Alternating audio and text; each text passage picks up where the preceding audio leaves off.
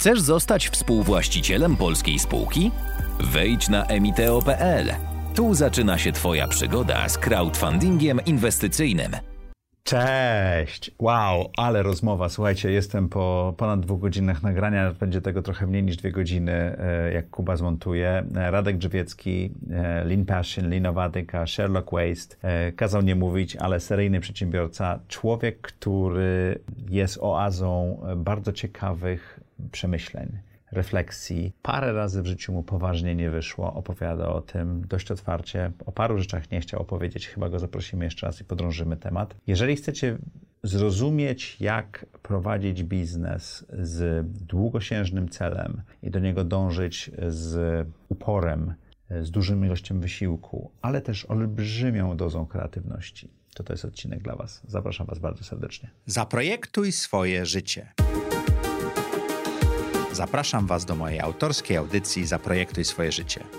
Przedstawiam osoby, które podjęły nietuzinkowe wyzwania życiowe i biznesowe. Rozmawiamy o tym, co nas napędza i dokąd zmierzamy.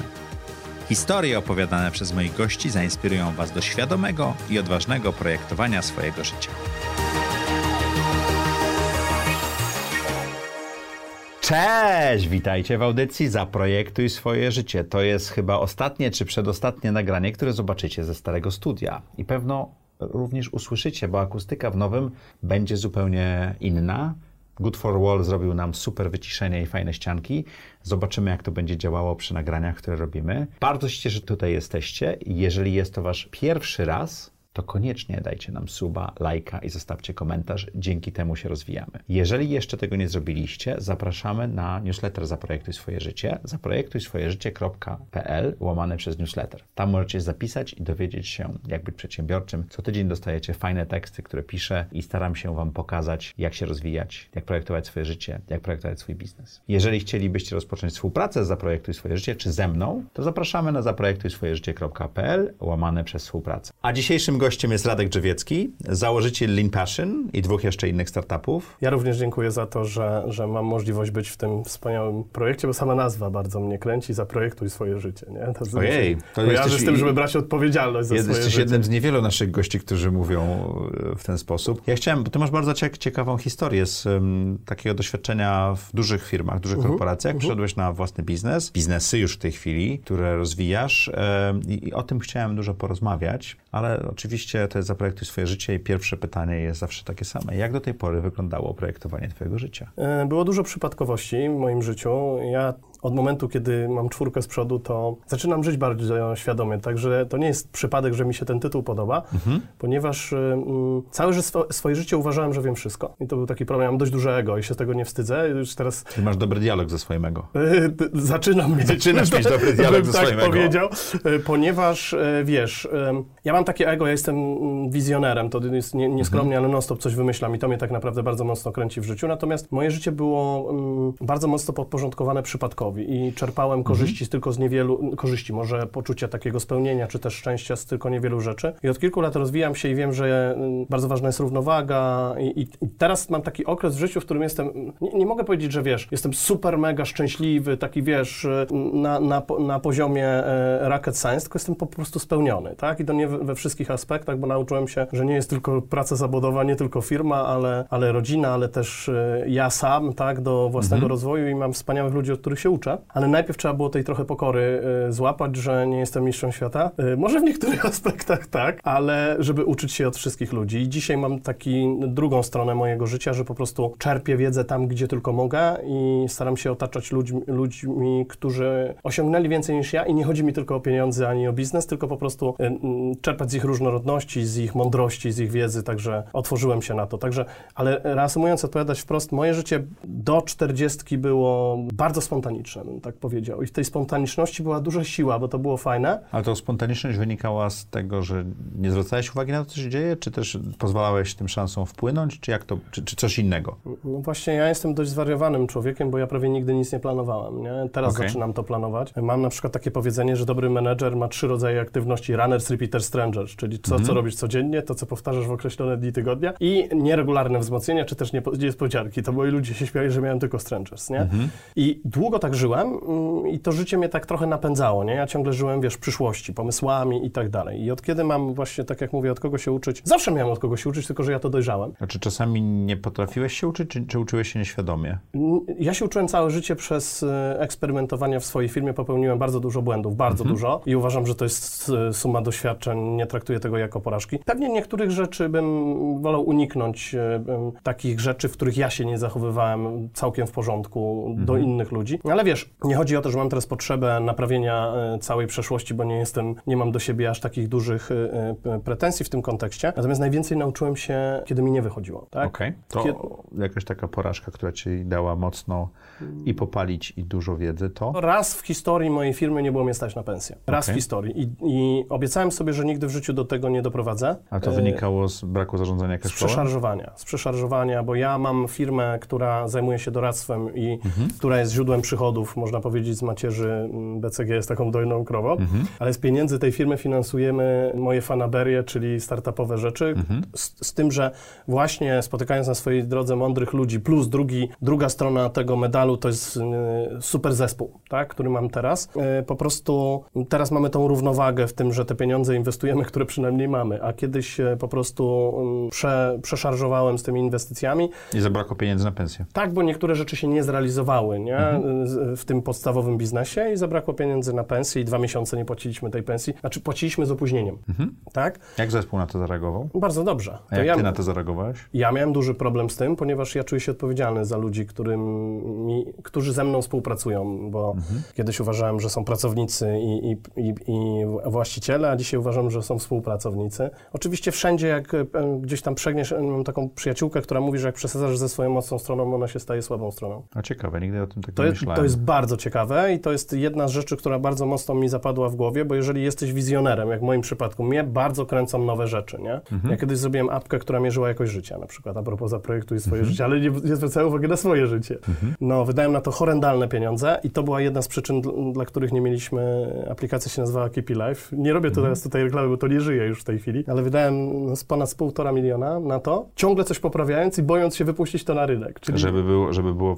Perfekcyjnie Nie, jak wypuściłeś, to, to okazało A się, jak że... wypuściłem, to mi zabrakło pieniędzy. Zrobiliśmy żeby nawet e, opaski własne, Mhm. które mierzyły ci, jak przeżywasz teraz swoje życie i na końcu dnia dawały ci raport Mhm. odnośnie tego, ile chwil przeżyłeś dzisiaj wartościowo. Nie? Ludzie byli tym przerażeni, wiesz, bo jak można mierzyć swoje życie? A ja, ja uważam, że rozwój zaczyna się od refleksji, czyli mi dało takie, e, wiesz, e, różne rzeczy, które mnie wywaliły prywatnie, życiowo, dały mi możliwość e, zastanowienia się nad tym właśnie, w którym kierunku ja chcę iść, ja chcę się rozwijać i to, co powiedziała moja przyjaciółka kiedyś, Ania Jastrzębska, tak, którą poznałem w PZU, wspaniała dziewczyna, powiedziała, jeśli przesadzasz ze swoją mocną stroną, ona się staje słabą stroną. I jeżeli ja poświęcałem 12 godzin życia, czy 16 mojej firmie, to to zaczęła być moja słaba strona, bo miałem zaniedbane całą e, resztę. Zdrowie, duchowość, e, rozwój osobisty, no i przekonanie o tym, że jestem niesamowity i niezniszczalny. Nie? Chodzisz po wodzie, nie pozostawiając kółek. Ja Dokładnie, dokładnie, dokładnie, dokładnie. I to jest ym, ego, gdzieś tam pycha, pycha, wiesz, kroczy przed y, porażką, chyba tak to się mówi. I dzisiaj tak naprawdę nie cofnę mm, czasu, ale nauczyłem się tego, co jest ważne w życiu i że bardzo ważna jest równowaga i ona nie jest wcale zabójcą y, rozwoju firmy, wręcz przeciwnie,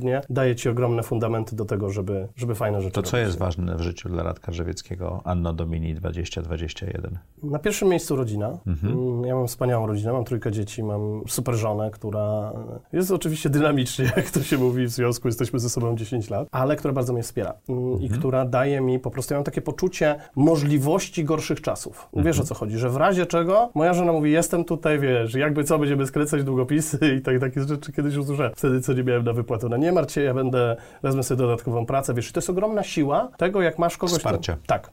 Ogromna, ogromne wsparcie, ogromny fundament. Więc rodzina jest na pierwszym miejscu. Firma. Ja się bardzo realizuję, mam w tej chwili... Mam, Która? No, wszystkie, wiesz. Tak naprawdę ja bym chciał najbardziej robić tylko innowacje. Natomiast, wiesz, przepis innowacji jest taki, że masz... Mi się kiedyś wydawało... to Ja mówię o takich prostych, oczywistych rzeczach, które się, się nauczyłem na swoich błędach. Ale, wiesz, jak Elon Musk powiedział kiedyś 1% pomysł, 99% realizacja, no to my teraz to robimy. Masę eksperymentów, masę błędów, ale takich, że tak bym powiedział, w ramach zaplanowanych, nie? Więc to jest druga rzecz. I trzecia rzecz, no to jestem ja sam w kontekście rozwoju osobistego, w kontekście właśnie duchowości, w kontekście rozwoju nie z obszarów biznesowych, bym tak powiedział. Y, mam też takiego y, mentora, którego razem znamy, Maćka Nogę, który Mhm. mi pokazuje właśnie te aspekty, y, y, które są ważne w życiu w, w kontekście właśnie takiego rozwoju. I to, co jest dla mnie jeszcze bardzo ważne, to jest pomaganie innym. Bo uważam, że ludzie powinni po prostu patrzeć na, na drugie osoby, więc my w firmie udzielamy się też w akcjach charytatywnych, y, pomagamy NGO-som. Ja na przykład y, 10% przychodu ze swojej książki przeznaczam na Fundację Mam Marzenie, którą absolutnie ludzie z tej fundacji y, urzekli mnie, wiesz, swoją misy, mis, misyjnością. I to są tak naprawdę ludzie, na których, no, z których można czerpać, nie? Którzy po prostu robią... Chciałem wrócić do twojej historii trochę bardziej do tyłu w czasie, bo to, co opowiadasz, jest niesamowite, ale żeby nasi widzowie i słuchacze też wiedzieli, e, skąd Radek się wziął, że takie ma filozoficzne Mhm. przemyślenia na temat siebie i swojego ego i oddawania. Ty zaczynałeś pracę w korporacjach, prawda? Mhm. Najpierw pracowałem... Skąd taki wybór? Z braku wyboru. Okej. Ja pochodzę z Jeleniej Góry, z Mhm. małej miejscowości pod Jelenią Górą właściwie, gdzie było dwóch pracodawców. No i jak skończyłem studia bodajże, jeśli dobrze pamiętam, w 2000 roku, no to była taka niemiecka firma e, motoryzacyjna w Jeleniej Górze, która się otworzyła i mm, która rekrutowała ludzi do działu inżynieryjnego. To jest chyba najgłupszy pomysł, jaki mogłem sobie Ale wymyślić. jakie studia kończyłeś? E, Politechnikę Wrocławską, Mhm. e, dział telekomunikacji, Wydział Telekomunikacji, ale z, i, i, ja mam dwie lewe ręce, jeśli chodzi o takie inżynieryjne sprawy. Mimo tego zgłosiłem się i wyjechałem na rok do Niemiec i zacząłem pracę w firmie, która robiła wiązki elektryczne. Bardzo fajna przygoda, bo się mocno nauczyłem niemieckiego wówczas. No i stąd e, z braku wyboru zacząłem pracę w fajnej firmie, zarabiałem chyba najniższą krajową wtedy, ale byłem bardzo spełniony. E, I w tej firmie zaczęła się moja pasja do lin. Bo tam rozumiem, że lin było... y, Zaczynaliśmy. Zaczynało się. Zaczynało Może się... opowiesz, co to jest lin, bo nie wiem, czy wszyscy będą wiedzieli, tak w Lean- jednym zdaniu. To jest zaangażowanie pracowników do tego, żeby e, identyfikowali i eliminowali marnotrawstwo. Czyli za, zaangażowanie w doskonalenie. Przy czym, jak nie jednym zdaniem, to większość ludzi nie jest zaangażowanych w firmę, a my ich próbujemy zaangażować w doskonalenie. Więc I le- lin zbudowało się na filozofii Kaizen, która wyszła z Japonii. Prawdopodobnie tak, wiesz, tych źródeł jest tyle, ja tam już się pogubiłem trochę. Natomiast dla mnie esencją linu są ludzie. Ludzie są najważniejsi w tym wszystkim. Y, Istnieje taki stereotyp, że lin to procesy, nie? Nie, lin to przede wszystkim ludzie i najważniejsza rzecz w linie to jest szacunek do ludzi i uprawomocnienie. Ale jak już poruszyłeś mój, mój konik, moją pasję, to my się zajmujemy tym. Ja sobie stworzyłem strategię lin, napisałem nawet o tym książkę. Strategia lin z przewrotnym podtytułem, bo w świetnych firmach ludzie nie mogą doczekać się poniedziałków. I wiesz, ludzie się śmieją, jak to poniedziałku? Przecież piątek, piąteczek, piątunia. Ja prze, przez 16 lat mamy tą firmę Lean Passion i mniej więcej po 8 latach ja doszedłem do wniosku, że ja nie chcę robić projektów, które teraz są, a za chwilę nie ma wyników, tylko chcę robić trwałe rzeczy. W pewnym momencie leżąc gdzieś tam na plaży w, w Meksyku, mówię, kurde, przecież to wszystko, co my robimy, to jest bez sensu. Wiesz, masz takie olśnienie, nie, nagle. Wpadliśmy wtedy na taki pomysł z zespołem, jak mamy angażować ludzi w doskonalenie firmy, skoro oni tej firmy nie lubią. I strategia Lean ma stworzyć warunki do tego, żeby ludzie zaangażowali się najpierw w firmę, a dopiero później w jej doskonalenie. I cała ta metodyka, którą my opracowaliśmy, jest pięć patologii biznesowych i się pozbywamy tych patologii biznesowych, że wiesz, pokazujemy, że na przykład ludzie mówią, menedżerowie mówią, za, członkowie zarządu, chciałbym, żeby ludzie żyli misją, wizją. Ja mówię, a jaka jest? A on nie wie. Nie wie. I to nie jest jego wina, bo wiesz, y, jak ja to mówię, ludzie pracują w pozycji na rekina, czyli przyjmują pozycję i jadą, żeby dowozić, nie?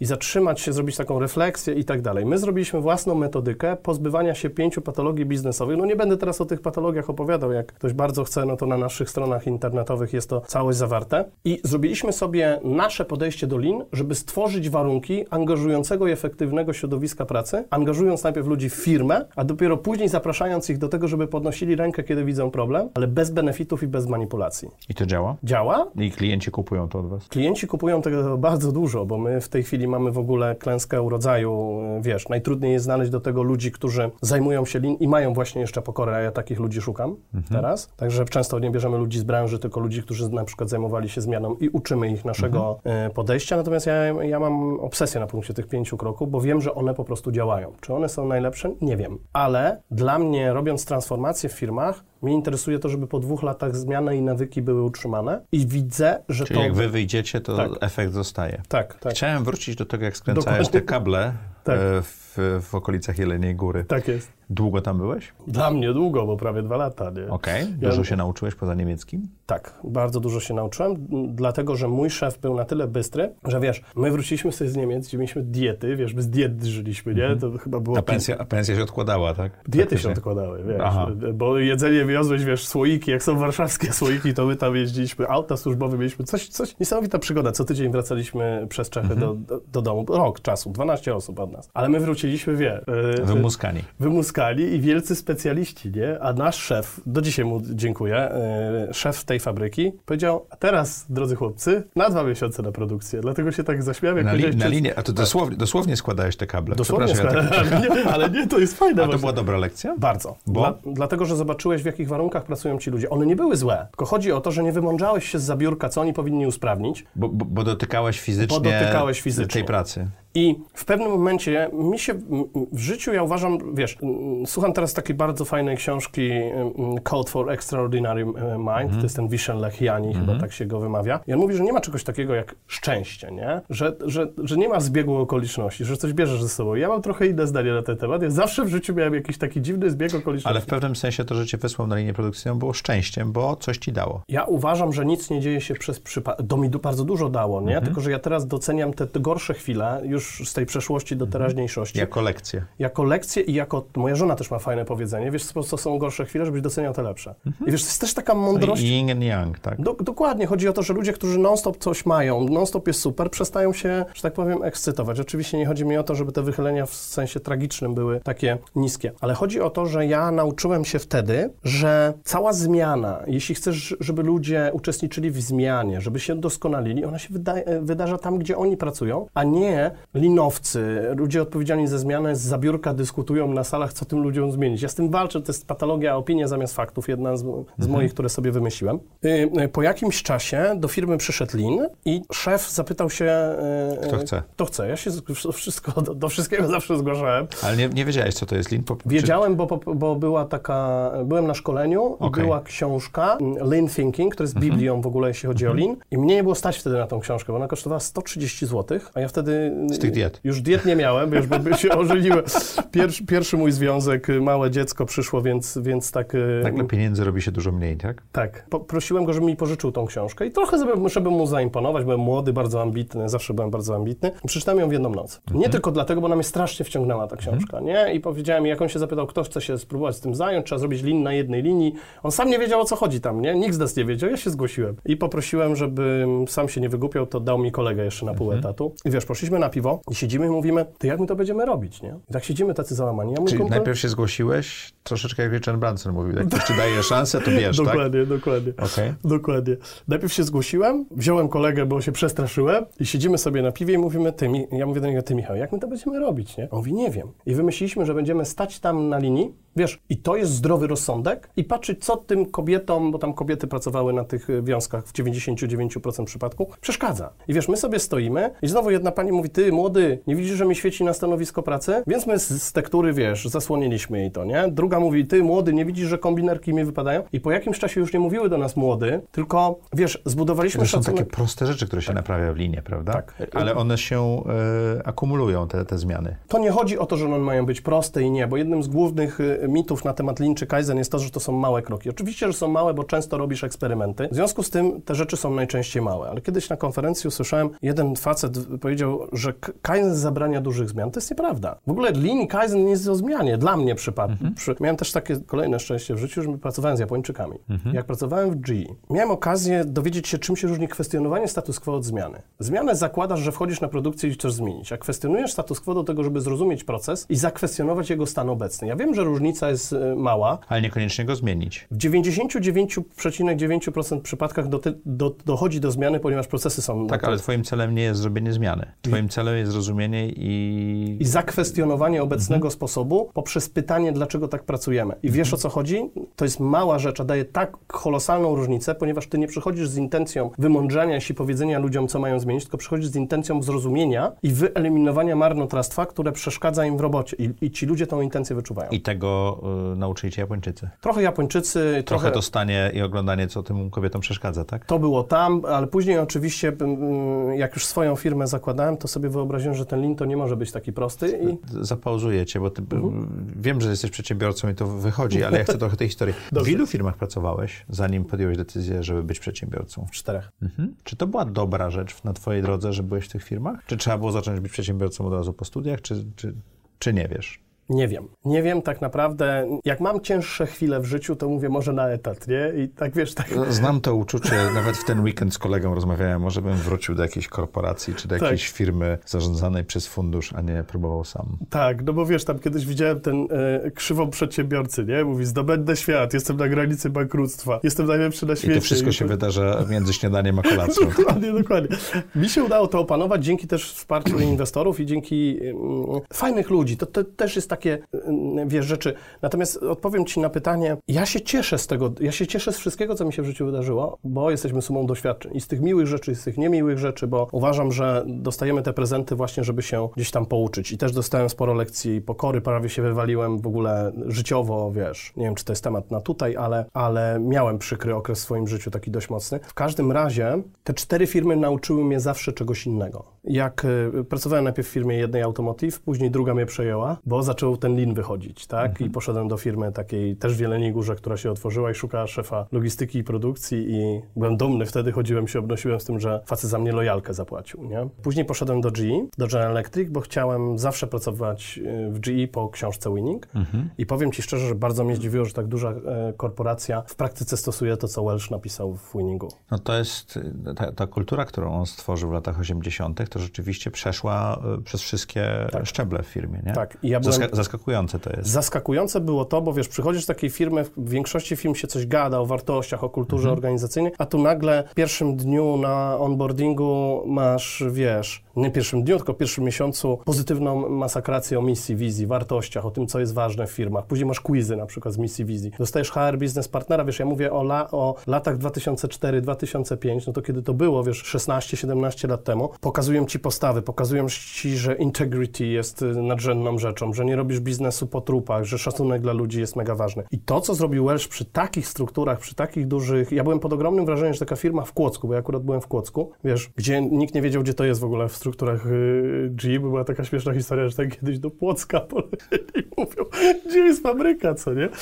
Ale w każdym razie, że tak fajnie tam było w tej amerykańskiej firmie. Czy ja pracowałem w jednej firmie Automotive, od której zaczynałem te wiązki, później I to wszystko było wokół tematyki lean. Lean, e, Produkcja. produkcji. W G już byłem lean managerem. Pierwszy raz miałem stanowisko, które formalnie się nazywało lean. Czyli coś, co było jakąś przygodą, czy też hobby i rozwojem, stało się Tak. dla ciebie zawodem. Tak, i nagle dostałem pierwszy raz zespół formalnie, miałem 19 osób, a później dostałem jeszcze pod opiekę dwie fabryki w Polsce i dwie we Włoszech. To jest na inną historię, jak we Włoszech y, optymalizację robiliśmy, bo to się nie nadaje tutaj dzisiaj. Okej. Prześmieszne to jest, nie? Jak po prostu non-stop strajki. Ale, ale nie, bo za, za, za, zagadam to, ja i tak mam tendencję do mówienia. I miałem taką ciekawą przygodę, że ja całe życie chciałem mieć firmę. I to tak To- we mnie to- mocno się działo. To, to kiedy był ten moment, bo to z GE wyszedłeś, żeby zrobić swoje, że postanowiłeś, że zaryzykujesz, czy też postanowiłeś, że będziesz latał nagle? Pamiętasz, jak powiedziałem, że moje życie nie było nigdy takie zaplanowane, bardzo Mhm. spontaniczne i tak dalej. No to to będzie historia o tym właśnie, jak e, zostałem zaproszony, na, żeby wystąpić na konferencji poświęconej Lean, czy tam szczupłej produkcji, whatever, we Wrocławiu. No i wystąpiłem na tej konferencji. I na tej konferencji był właściciel jednej z firm, e, ja dzisiaj go nazywam pierwszy mój klient, tak, z, z okolic Kotliny Kłodzkiej. I on przyszedł do mnie i czy ja bym mu chciał zrobić... Prywatna polska firma, Tak, tak? Tak. Okej. Czy ja bym chciał zrobić e, taki projekt, jak pokazywałem u niego. Ja mówię, okej, i się zwolniłem. E, Zwolniłem się z G. czyli to, że to nie było tak, że zaplanowałeś, że wyjdziesz tak Nie. dalej. Po prostu przyszedł do ciebie pierwszy klient, Tak, powiedział, że potencjalny, bo on zrezygnował. A potencjalny klient. A ja się zwolniłem. Aha.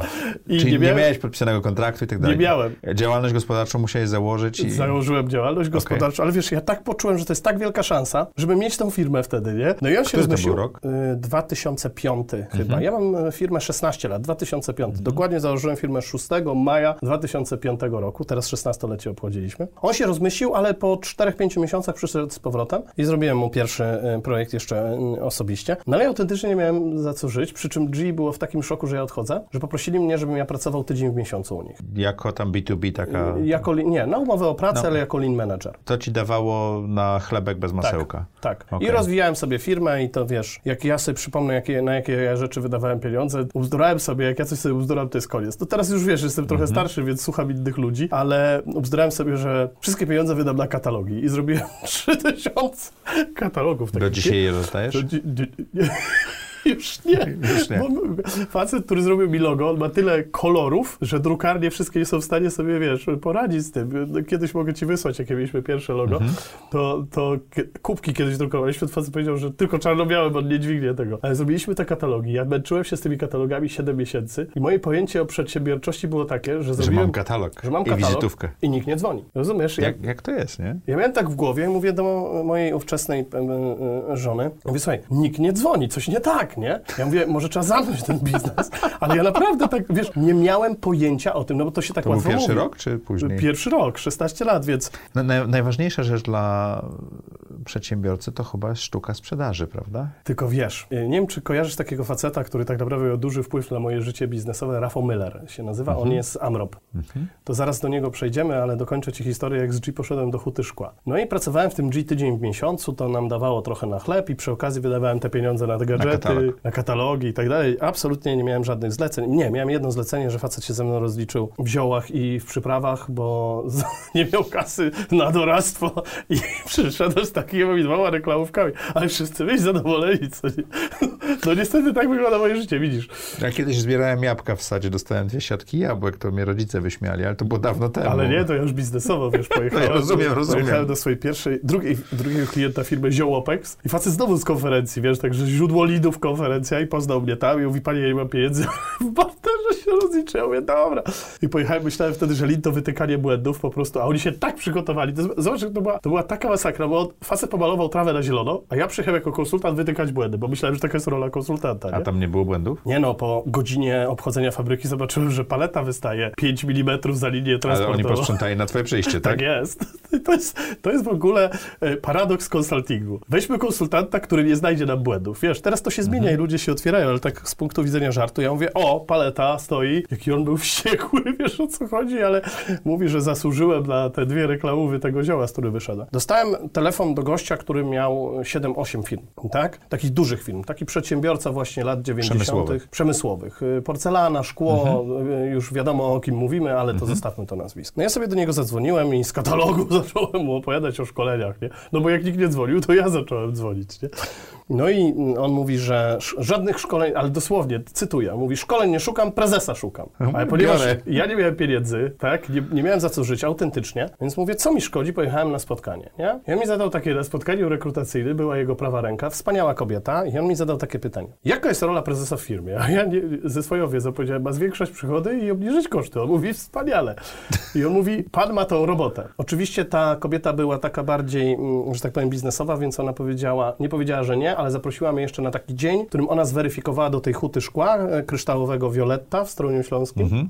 Że, że ty chociaż wiesz troszeczkę o czym mówisz, tak? O szkle nic nie wiedziałem, ale przeszedłem się z nią, powiedziałem i tak dalej i ja się zweryfikowałem. Ona była taką naprawdę fajną, operacyjną Mhm. babką z Rady Nadzorczej tej, tej, nie pamiętam dokładnie jak się nazywa, ale, ale duży, duży taka wiedza biznesowa, duża właśnie taka pokora, szacunek do ludzi. No ja zostałem prezesem Huty Szkła. Bo znałeś odpowiedź na jedno ważne pytanie. Jakie? No, y, jaka jest rola prezesa, tak? Tak jest, tak jest. No on powiedział, że wspaniała odpowiedź, nie?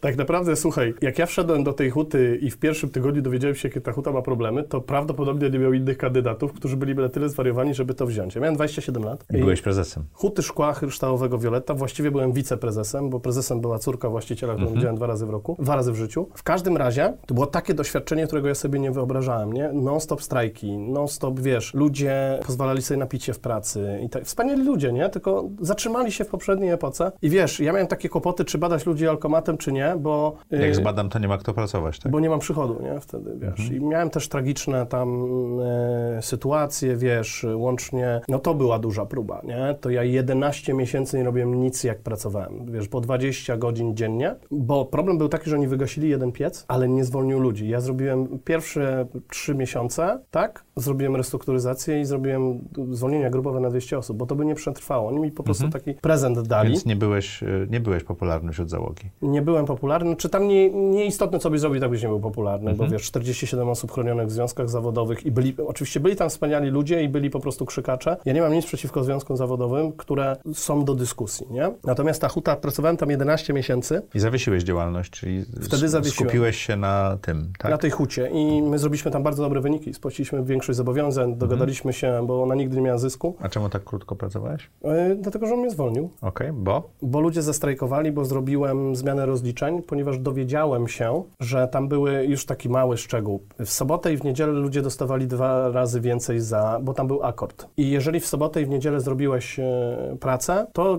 dostawałeś stawkę e, akordową razy dwa. Ale w umowach było wpisane, kiedy szkło wchodzi do magazynu. W związku z tym przez cały tydzień nie wchodziło nic do magazynu, I wszystko wchodziło w weekendy. i oni księgowali to w weekendy. I ja się to wiedziałem, bo zobaczyłem, jaki jest udział kosztów w przychodzie, bo akurat w G mm, dość dobrze finansów się nauczyłem i jeszcze na MBA-u. No mówię, to jest niemożliwe, żeby 37% stanowiły koszty robocizny w przychodzie. I zaczęliśmy się tym zajmować. No i yy, powiedziałem stop. Z braku doświadczenia wprowadziłem taką zmianę, która zabierała tym ludziom yy, 40% pensji miesięcznie. No to oni też powiedzieli stop. I się zatrzymali na tydzień i żądanie były takie, że jak zwolni prezesa Drzewieckiego, to oni wrócą do pracy. On mnie zwolnił, oni wrócili, rok czasu zawinęła się huta. Okej. Ponieważ, e, wiesz, no, nie zmieniły się nawyki, to nie miało szansy istnieć. Tam był fajny na to pomysł. No i tak naprawdę znowu prezent, bo to spowodowało, że ja mm, wróciłem do swojego biznesu i przeniosłem się do Warszawy. I tu się zaczęli pierwsi klienci. E, Tak naprawdę pierwszy klient to był taki, że pracowałem w mm, w Warszawie z rok dla takiej firmy jako taki interim, a później przyszedł Adamet, później przyszedł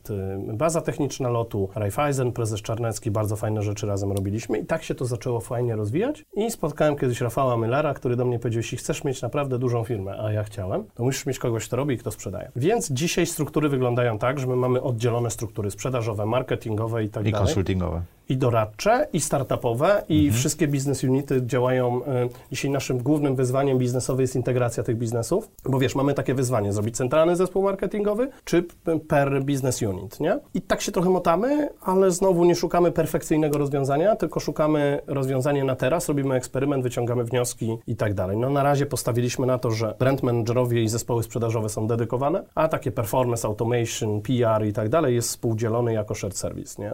I, I tak się w tej chwili rozwijamy, tak naprawdę czterech już firmach. Znaczy czterech business unitach, ale będą za chwilę cztery firmy. Podzieliłeś sobie tą firmę na tej zasadzie, że ktoś inny sprzedawał, ktoś inny dostarczał. Wówczas Zacząłeś tak. budować zespół, tak? Ja sprzedawałem. Ja sprzedawałem, kto inny opiekował się dostarczaniem. Dzisiaj nasza grupa liczy 70 osób. Jak E, duże masz obroty w tej chwili? e, W tej chwili na ten rok mogę powiedzieć, jakie mamy cele. To Jakie mamy macie cele na 12 ten rok? milionów na ten rok Okej. cele, ale w przyszłym roku chcemy zrobić. Jak zyskowny jest to biznes? No to wolałbym na tym nie mówić. E, Akurat. Czyli nie, nie jest niezyskowny. Nie jest niezyskowny, my nie mamy dużego zysku netto, bo my wszystko, większość rzeczy finansujemy z, tego, co wewnątrz. zarobimy na... Czyli jak ci firma rośnie, to zatrudniasz ludzi, którzy dopiero będą zarabiali w przyszłym roku, nie? Tak. W pewnym sensie. Tak, a ponieważ mamy finansowanie, bo mówię, mamy, trafiło nam się znowu ten łód szczęścia albo przyciąganie. Trafili nam się znowu, wiesz, różne rzeczy słyszałem o inwestorach, ja nigdy nie chciałem nic oddawać i trafili nam się ludzie, wiesz, Pracuj Ventures, których też znamy wspólnie, plus na przykład jeszcze w Sherlocku mamy Shape'a y, VC. To są niesamowici ludzie, wiesz, bo oni są po prostu partnersko, świetni, są fair i przede wszystkim dają nam to robić, ale nas fajnie wyciągają ze strefy A komfortu. skąd pomysł na szukanie inwestorów? No to akurat ten taki współzałożyciel, bo ja mm, CEO Sherlock Waste, bo jedna z naszych biznesów to jest Sherlock Waste. To jest taka aplikacja, która... Pomaga robić lean samemu. Tak, ale ten link, w który my wierzymy, czyli na przykład w Sherlocku nie pytamy ludzi o pomysły, ale o problemy. Czyli powiedz, co cię wkurza w pracy, bo to y, frustrację masz za darmo, a za pomysły trzeba zapłacić, bo ludzie mają relację głównie finansową z,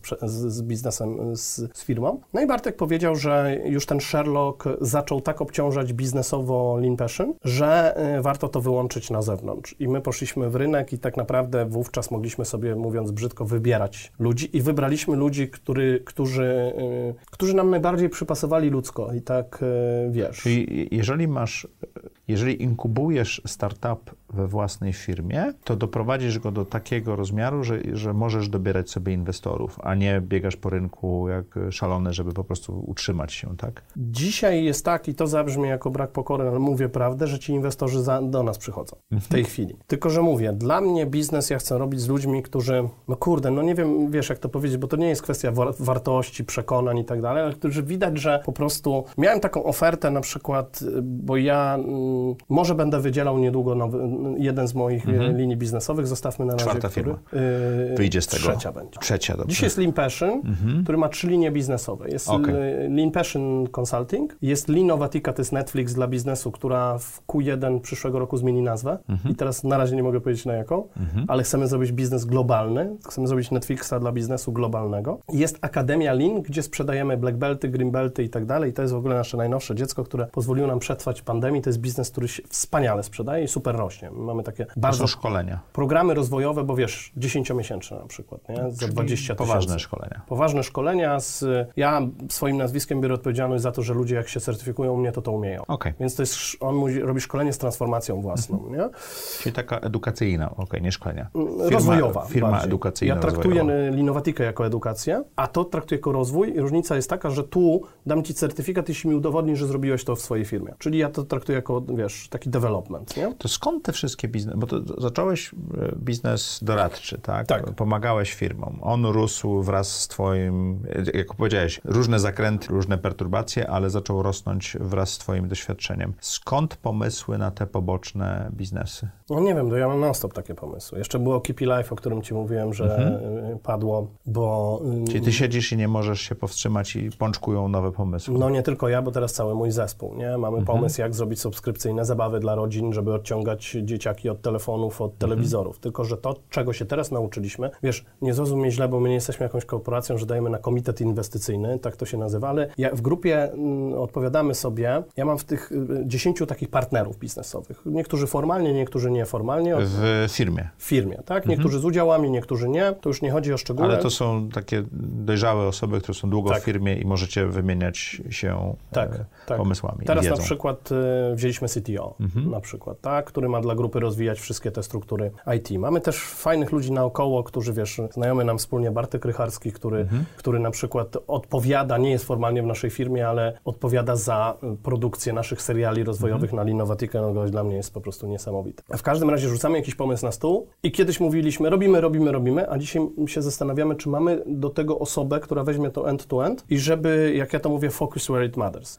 Czyli wracając, mamy Lean Passion, który jest y, consultingiem, mamy Leanowatikę, która zaczyna się rozwijać bardzo mocno i ludzie po prostu kupują dla swoich zespołów subskrypcję w B2B. W B2C nam się nie udało na razie, bo się nie znamy. Mamy Akademię, która sprzedaje programy rozwojowe drogie, znaczy drogie, no 20 tysięcy na przykład, 10 tysięcy, najtańsze kosztuje 4 tysiące, ale różni się to tym od Leanowatyki, jak tu masz taki inspirację, edukację, tu masz y, po prostu zrobić transformację w swojej firmie i to jest teraz boom. My, my, my mamy więcej zapisów niż możemy sprzedać tych miejsc. No i to są te trzy biznesy, a Sherlock Waste już jest wydzielony, tak? I teraz to, co my robimy w środku tej grupy, to mamy taki mm, swój, że tak powiem, hedgehog, że my y, ro, robimy synergię wiedzy, technologii i doświadczenia. Lean Passion dla mnie docelowo to jest source of, knowledge. Czyli ja będąc blisko, bo Lean Passion nie jest firmą szkoleniową, widząc, widząc problemy ludzi, menedżerów, liderów, mogę tę wiedzę lewarować sobie w tych pozostałych biznesach. Dlatego content w Leanowatyce, ja bym powiedział, że 70% tam contentu jest,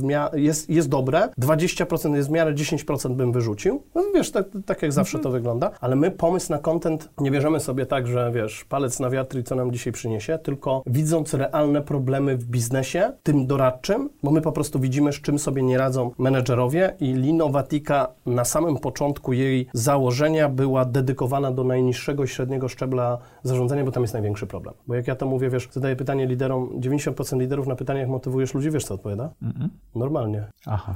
Mówię, co to znaczy normalnie? Mówi, jak kolega. Ja się przez przypadek 8 lat temu połapałem, że ci ludzie, co chcę bardzo podkreślić, nie z własnej winy, ale ci ludzie improwizują w robocie i zarządzają przez trzymanie kciuków. Maxwell o tym mówię, trzyma kciuki za to, żeby to nie jego zwolnienie w tym roku. Ja też tak z dystansem... Zarządzanie przez wstrzymanie kciuków. Nie Dokładnie. słyszałem tego. No, bo to jest moje. No, No. Przepraszam, brak skromności, ale prawdziwość. To jest moje. I teraz jest jedna z patologii biznesowych, która się nazywa ego manager. Ja ją tak sobie nazwałem, czyli nie wiesz, jak zarządzasz, ale się nie przyznasz, bo ci się wydaje, że reszta wie, bo chodzisz na te wszystkie konferencje i tak dalej. Tymczasem ja przez przypadek się zupełnie połapałem zdefiniowałem, że ludzie nie rozumieją różnicy między przywództwem a zarządzaniem, nawet top manager. Mhm. Przy czym twoje ego, jak się, ciebie ktoś pyta, czy ty rozumiesz, co, się, co to jest e, transformational, e, transformational leadership, a ty mówisz, no nie, czy oczywiście, nie? Czytałem. Czytałem, nie? Albo... Harvard Business Review był Dokładnie, artykuł. dokładnie. I później, ale to nawet nie chodzi o te trudne słowa, bo wiesz, my uczymy tych liderów, nie mam nic przeciwko innym firmom, na, naprawdę, Mhm. to są bardzo dobre firmy w Polsce i na świecie. Mi, mi nie chodzi o to, że my robimy to najlepiej, absolutnie nie. My robimy swoim sposobem, którym wiemy, że przynosi takie, a nie inne rezultaty. Zawsze można Mhm. robić lepiej, ale jeżeli ludzie normalnie motywują innych ludzi, to ja chcę im dostarczyć najprostszą wiedzę, dzięki czemu on, ich autorytet rośnie, a nie modelu przywództwa sytuacyjnego Blancharda, gdzie oni na sali kiwają, że to rozumieją. No proszę cię, chcę, taka osoba, która, nie wiem, zarządza call center, zarządza, nie wiem, produkcją. Ja nie chcę dyskryminować tych ludzi. Jak ktoś mi wciska, że oni potrafią stosować przywództwo sytuacyjne, no to ja mówię nie, nie potrafią. To kim według ciebie jest dobry lider? Dobry lider, y, znaczy wiesz, to zależy, czy pytasz mnie o lidera zespołu w hierarchii, czy o tą nomenklaturę, która została przez wszystkie przypadki odmieniona na, na przykład na LinkedInie. Ja nie chcę być menedżerem, bo jestem Pytanie niezmiennie brzmi tak samo, czyli kim według ciebie jest dobry lider? Dla mnie dobry lider e, potrafi podłączyć e, ludzi do strategii firmy. Jeżeli nie umie tego zrobić, to podłączyć ludzi do mini e, takiej misji swojego zespołu. Tak? Czyli powoduje, że ludzie idą w jednym kierunku. Niekoniecznie za nim, bo ja mam swoją e, definicję. Moja definicja przywództwa Czyli daje im tą, ten true north, tak? Prawdziwą północ. Tak? To nawet nie chodzi o true north, bo niektórzy ludzie nie lubią pompatycznych rzeczy i takich, wiesz, zaśpiewów, nie? Chodzi o to, że dobry lider, e, tak Czarek Raczyński z M-Leasing powiedział, jakie robiliśmy misje, wizje i cele strategiczne, on powiedział, to, to, tobie chodzi o to, że miał taki zaśpiew do tych ludzi. Ja mówię, no, taki zaśpiew, bo ludzie, m, po angielsku się nazywa purpose, nie? Że ludzie lu- lubią e, po prostu jakiś zaśpiew. Purpose oznacza zaśpiew? No, sens istnienia, taki, wiesz, taki, no, ale w takim kolokwialnym mówieniu, wiesz, perp, e, zaśpiew, nie? Taki zaśpiew, wiesz, istniejemy po to, takie te synkowe why. W każdym razie dla mnie dobry lider to jest osoba, która potrafi podłączyć ludzi właśnie z tego zaśpiewu i bardzo często liderzy zespołów mówią mi tak, ale ja nie mam wpływu na to, jaka firma ma misję, wizję. Po pierwsze, to się z tym nie zgadzam, bo zawsze masz, bo nigdy nie spotkałem zarządu, który nie chciałby się nad tym pochylić, tylko trzeba się zatrzymać. Ale po drugie, jak już nie masz, to stwó- stwórz sobie, na przykład teraz to jest hit, bo my od roku w wielu firmach robimy mini misję dla jakiegoś departamentu. Mini misję dla jakiegoś Która zespołu. wpisuje się w dużą misję, Dokładnie, ale, ale dokładnie. jest ich. Ale jest ich. Przy czym nie odpowiadamy tam na pytanie, dlaczego istniejemy, tylko dlaczego działamy jako team. I oni naprawdę fajne rzeczy tworzą. I dla mnie leadership jest umiejętność podłączenia ludzi właśnie do tego. A dru- na drugiej osi jest zarządzanie. Bo przywództwo to jest y, mm, prowadzenie ludzi w przyszłość, to jest koter akurat. Prowadzenie ludzi w przyszłość, wykorzystywanie nadarzających się szans. Więc dla mnie przyszłość to jest strategia, nie? E, Strategia, wizja i tak dalej. A teraźniejszość to jest dla mnie zarządzanie. I Koter mówi o dwóch fajnych definicjach przywództwa i zarządzania. Przywództwo to jest właśnie prowadzenie firmy w przyszłość, wykorzystywanie nadarzających się szans, a zarządzanie to zespół procesów, które sprawia, że firma działa w sposób przewidywalny, abstrahując już od pandemii. Budżetowanie, planowanie, rozwiązywanie problemów, delegowanie, motywowanie i tak dalej. Jak ja pokazuję te dwie definicje, to pytam się ludzi, którzy powiedzieli, ja nie jestem menedżerem, tylko liderem, ja mówię, masz robić przywództwo, zarządzanie i każdy mi mówi obie rzeczy. Ja mówię, i to jest prawda. Tylko tak? pytanie, jak, e,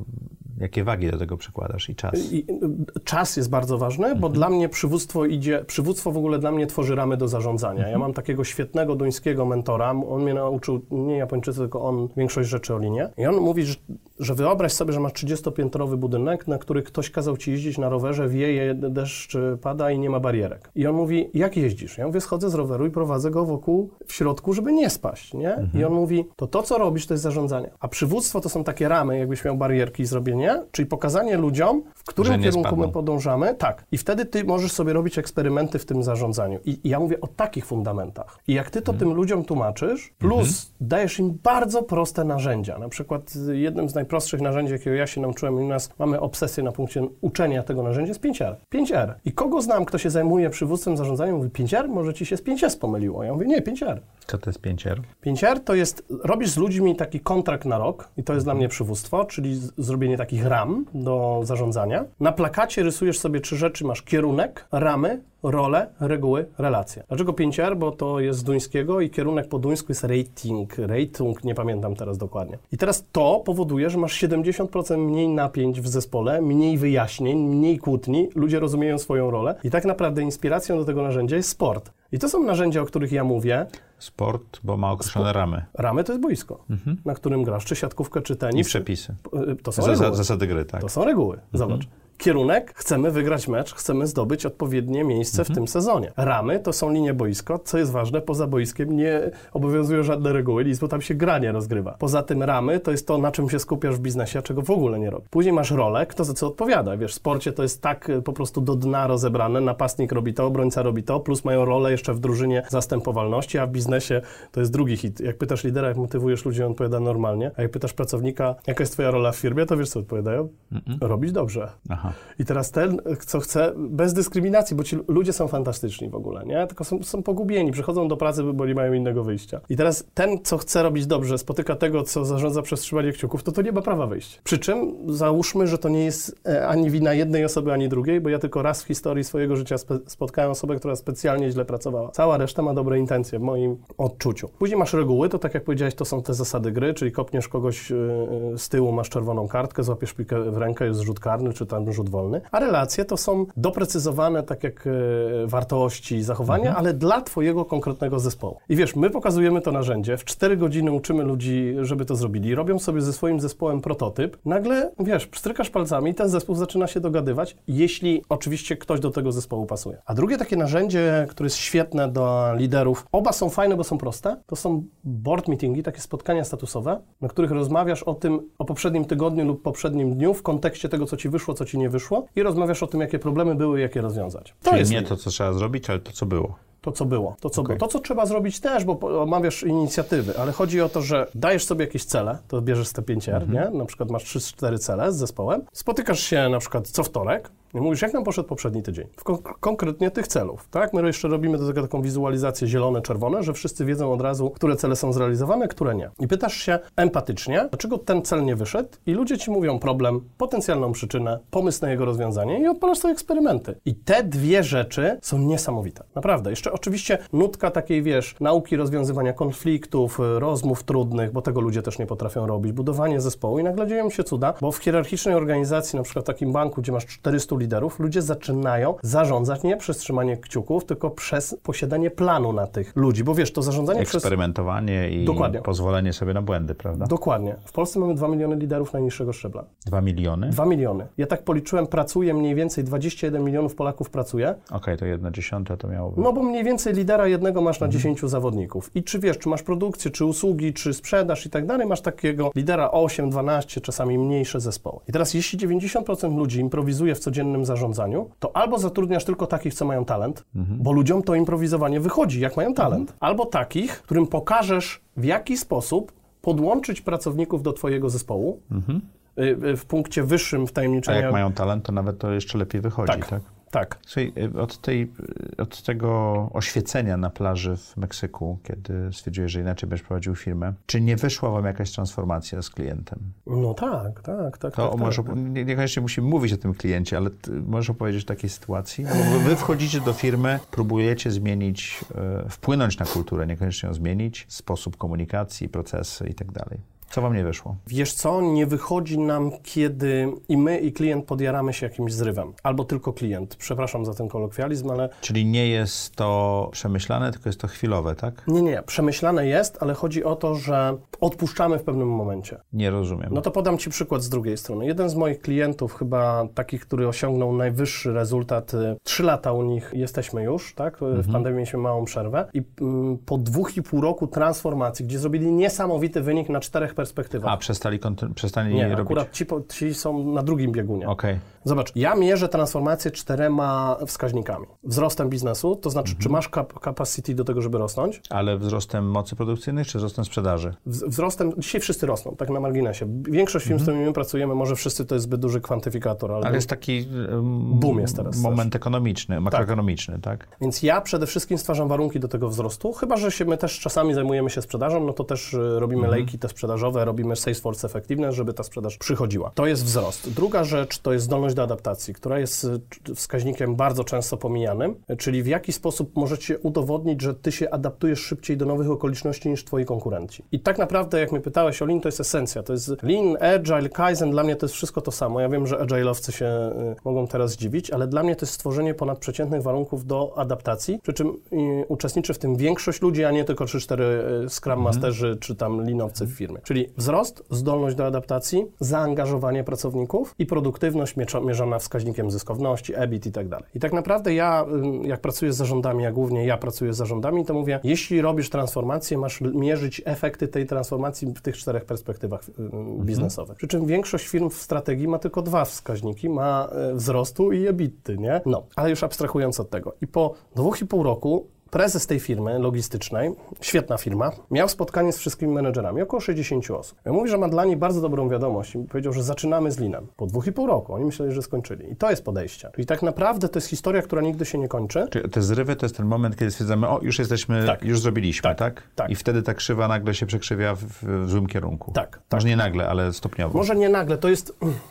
Ja myślę też, że mi to jeszcze trochę zajmie, ale ja nie chcę rosnąć w tym biznesie y, doradczym. Okay. On nie jest skalowalny i my sobie określiliśmy, że rośniemy 15 do 20% rocznie. Y, na pewno będziemy mocno rosnąć na cenach, bo my chcemy robić tylko 5 kroków. I teraz, kiedy mi to nie wychodzi, to ja wiem, jak to zabrzmi, ale to naprawdę tak jest. Kiedy my schodzimy ze swojego y, drogowskazu, ze swojego tego, tej koncepcji jeża, że my robimy te 5 kroków transformacji, jeśli klient ma te 5 patologii. Bo to nie jest tak, że ja spółki wyciągnę, mówię, na siłę musisz to zrobić. Co to są za patologie? Pierwsza to jest my i oni silosy. Mhm. No to wiesz, że w firmach są silosy, wy też, kochani, wiecie, że są silosy. Przy czym większość interpretuje silosy pomiędzy działami, wiesz, sprzedaż, operacje, marketing, a ja mówię silos pomiędzy menedżerami i pracownikami. Mhm. I nazywam go murem berlińskim, bo jedni przychodzą po to, żeby robić biznes, a drugi przychodzą, bo nie mają wyjścia. A drugi, druga patologia? To jest, y, ludzie przychodzą do roboty, a nie do pracy. Czyli spędzasz w, w miejscu, w którym zarabiasz pieniądze większość swojego dorosłego życia, spotykasz częściej swoich kolegów i szefa w pracy niż swoją drugą połówkę, już abstrahując od pracy zdalnej i ty, i ludzie żyją na dwie siódme, to też jest mój tekst, nie? Dwie siódme oznacza, że masz poniedziałek, poniedziałek drugi, poniedziałek trzeci, poniedziałek czwarty, poniedziałek piąty, sobotę i przedponiedziałek, nie? Wiesz, no i znowu przyszedłem do roboty. To jest druga patologia. Trzecia? Trzecia, opinie zamiast faktów. Czyli nie data, nie dane, które są mm. driverem wszystkiego, tylko... Nawet tak, więcej. Tak mi się wydaje, albo tak kiedyś było, tak? Tak mi się wydaje. I teraz jak popatrzysz, jak zarządy ze sobą rozmawiają, to jest jedno wielkie wymienianie opinii. Niektóre zarządy tak nie robią. Niektóre zarządy tak nie robią. Dane to nie są fakty. Mhm. Dane to jest druga rzecz, to już jest lepiej. Faktem jest to, co widzisz fizycznie, co się dzieje w gęba. Przy czym... Yy, nie rozumiem. Gęba to jest miejsce, gdzie pracują ludzie. Mhm. I na przykład zadajesz takie pytanie, ile czasu trwa załadunek samochodu? W linie powinieneś powiedzieć, nie wiem, chodźmy sprawdzić. To jest esencja całości i tym się różni sport od biznesu. Jak zobaczysz trenera w biznesie, trenera w sporcie, to on ci nie powie, mój zespół wczoraj dobrze grał, ale ja byłem na spotkaniu biznesowym, nie? On powie ci, w 43 minucie mamy problem z ustawieniem taktycznym, bo on to widział. A w biznesie okay. ludzie podejmują decyzje na podstawie danych, przez co nie, nie wychodzą ze strefy komfortu i bardzo dużo... Czyli nie idą na rampę nie patrzą, ile trwa załadunek samochodu. Dokładnie. I mi nie chodzi o to, że ma to robić prezes. Ale to... chodzi o to, żeby to było sprawdzone. To jest cała esencja w ogóle pracy Toyoty. Lider 80-90% czasu obserwuje, jak ktoś pracuje i patrzy, gdzie jest marnotrawstwo i pomaga tym ludziom to mhm. marnotrawstwo usuwać. Ja bym powiedział, że jest sport, jeśli chodzi o zdolność do adaptacji. Jest sport, długo, długo nic, Toyota, długo, długo, długo nic, reszta. Yy, czwarta patologia? Ego manager, czyli 90% liderów improwizuje w codziennym zarządzaniu. To są te kciuki i tak to dalej. To są te tak? kciuki. I, to jest, I tutaj ja mówię o liderach y, bezpośrednich przełożonych pracowników, które w Polsce mamy 2 miliony. A piąta patologia? A piąta jest w ogóle paradoksem, bo doskonalenie przeszkadza biznesowi. Okej, okay, wytłumacz ten paradoks. Czyli bardzo dużo firm działa w taki sposób, ja bym powiedział, że większość, że robi biznes. I w firmach są komórki od doskonalenia. Czy to komórka agile'owa? One nie są częścią biznesu, Nie, one przychodzą obok. i tworzą kolejny silos, bo mówi ktoś do... Ja w G tak miałem nawet. Jak przyszedłem do mojego szefa produkcji, mówię, Krzychu, musimy zrobić zmianę. On mówi, dzisiaj mam pilną wysyłkę, iść po przeszkadzaj na magazynie. Wiesz, o co chodzi? Po prostu jego cele są zupełnie inne od, celi, od celów ludzi, którzy mają robić doskonalenie. Myśmy to w Delu nazywali e, mewami korporacyjnymi. To się jeszcze nazywa Pelican Management. Nie? nie, ale wiesz dlaczego mewami? Bo mewy przylatują, jedzą nasze jedzenie, strają i odlatują. No to tak? Pelikan robi to samo. Po, po, angielsku to było they leave shit behind, tak? Czyli okay. zostawiają, zas, okay. zostawiają po sobie okay. kupę. I, te, I, teraz moim w ogóle marzeniem życiowym, jeśli chodzi o lean, mhm. to jest, żeby lean wychodził od szacunku dla ludzi i żeby lean był zdroworozsądkowy. I tak naprawdę nie chodzi o to, jakich narzędzi używasz, czy ty używasz lean, agile i tak dalej, tylko chodzi o to, dla mnie moja esencja i to, na czym ja chcę oprzeć doradztwo w Lean Passion. I ja tutaj nie ukrywam tego. Nawet mój przyjaciel Wojtek Karpiński, który zarządza GBS-em MWA w Krakowie, powiedział, że jest y, Lean Passion Way or Highway, nie? I my mówimy, chcemy robić transformację, chcecie mieć te cztery rzeczy, ostrzegamy ich, że to jest pod krew i łzy i mówimy im, to jest transformacja na pięciu krokach. I dzisiaj szukamy klientów do tego. Na szczęście jest coraz więcej, bo wiesz, ja się zajmuję też edukacją, też podcast swój nagrywam i tak dalej. I coraz więcej klientów przychodzi i mówi, chcielibyśmy zrobić pięć kroków. I teraz co my robimy? My ich przed tym przestrzegamy. I nie jest to nasz pomysł na biznes, na manipulację, tylko mówimy, słuchaj, to jest cztery lata. I To mówi, nie jest szybko. To nie jest lata będę widział twoją gębę, jak już mówiły kolokwialnie, ja mówię nie. Cztery lata musisz poświęcić trochę zasobów, żeby robić tę zmianę, przy czym my akumulujemy te inicjatywy, które on dzisiaj robi i robimy jeden taki strumień transformacyjny, Mhm. czyli mamy run the business i change the business, tak? I my robimy przede wszystkim wolniej. Przede wszystkim budujemy nawyki. Przede wszystkim staramy się, żeby No bo ci ludzie... pracujesz z materią ludzką. Nie można je tak samo szybko zmienić jak Jak programy masz czy kryzys, to można.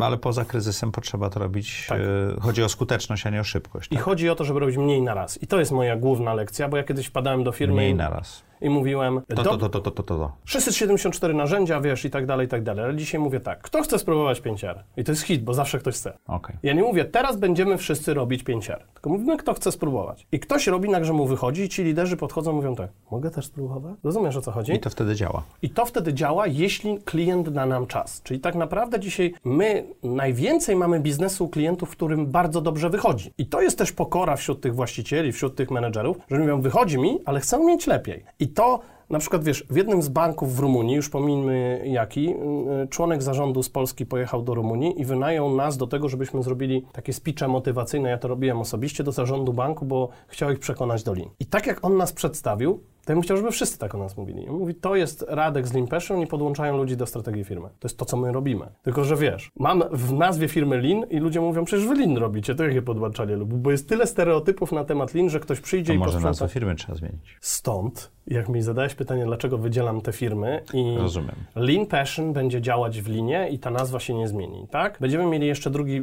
biznes, który będzie miał w nazwie Lean, ale Leanowatyka y, Zmieni nazwę. tak, żeby się nie kojarzyła z Lean, ponieważ ludzie myślą, że nasz Netflix jest kontentem linowym, nie? Także i- wydaje się, że jest to trochę przemyślane. E, Pandemia dużo zmieniła w biznesie. Jak dostosowaliście swoją ofertę do sytuacji e, spowodowanej właśnie e, zmianami pandemicznymi? Mm, To jest w ogóle bardzo ciekawe, bo nie chcę tutaj nikogo indoktrynować zarządzanie zmianą, ale jako ludzie mnie tak uczyli, mamy cztery fazy przejścia przez zmianę. Wyparcie, opór, próby, adaptację. Ja jestem takim przedsiębiorcą, który przeszedł idealnie przez te fazy właściwie... Czyli na początku było pełne wyparcie, No tak? bo mówię, Chiny, jakiś wirus, co Okej. mnie to obchodzi, nie? To było w styczniu mniej więcej, nie? I nasz CFO, taki bardzo mądry człowiek, mówi, słuchajcie, weźmy to pod uwagę, bo to na pewno przyjdzie do Polski. Ja mówię, chłopie, trzeci świat, Azja i tak dalej. Żartuję sobie teraz, nie? Ale mówię w swoim stylu. Nagle zmierzyliśmy się z tym, że na początku, w połowie marca mniej więcej, chyba 2020 roku, tak? Dobrze mówię? 2020 była ta pandemia, zaczęła się. Część klientów zaczęła mówić, nie możesz przyjeżdżać, nie możesz przyjeżdżać, zawieszamy współpracę i tak dalej, i tak dalej, nie? Więc przyszedł do nas problem. I w kwietniu był u nas mega fajny problem, znaczy fajny z perspektywy czasu, bo przychody nam spadły o 99% versus planowane.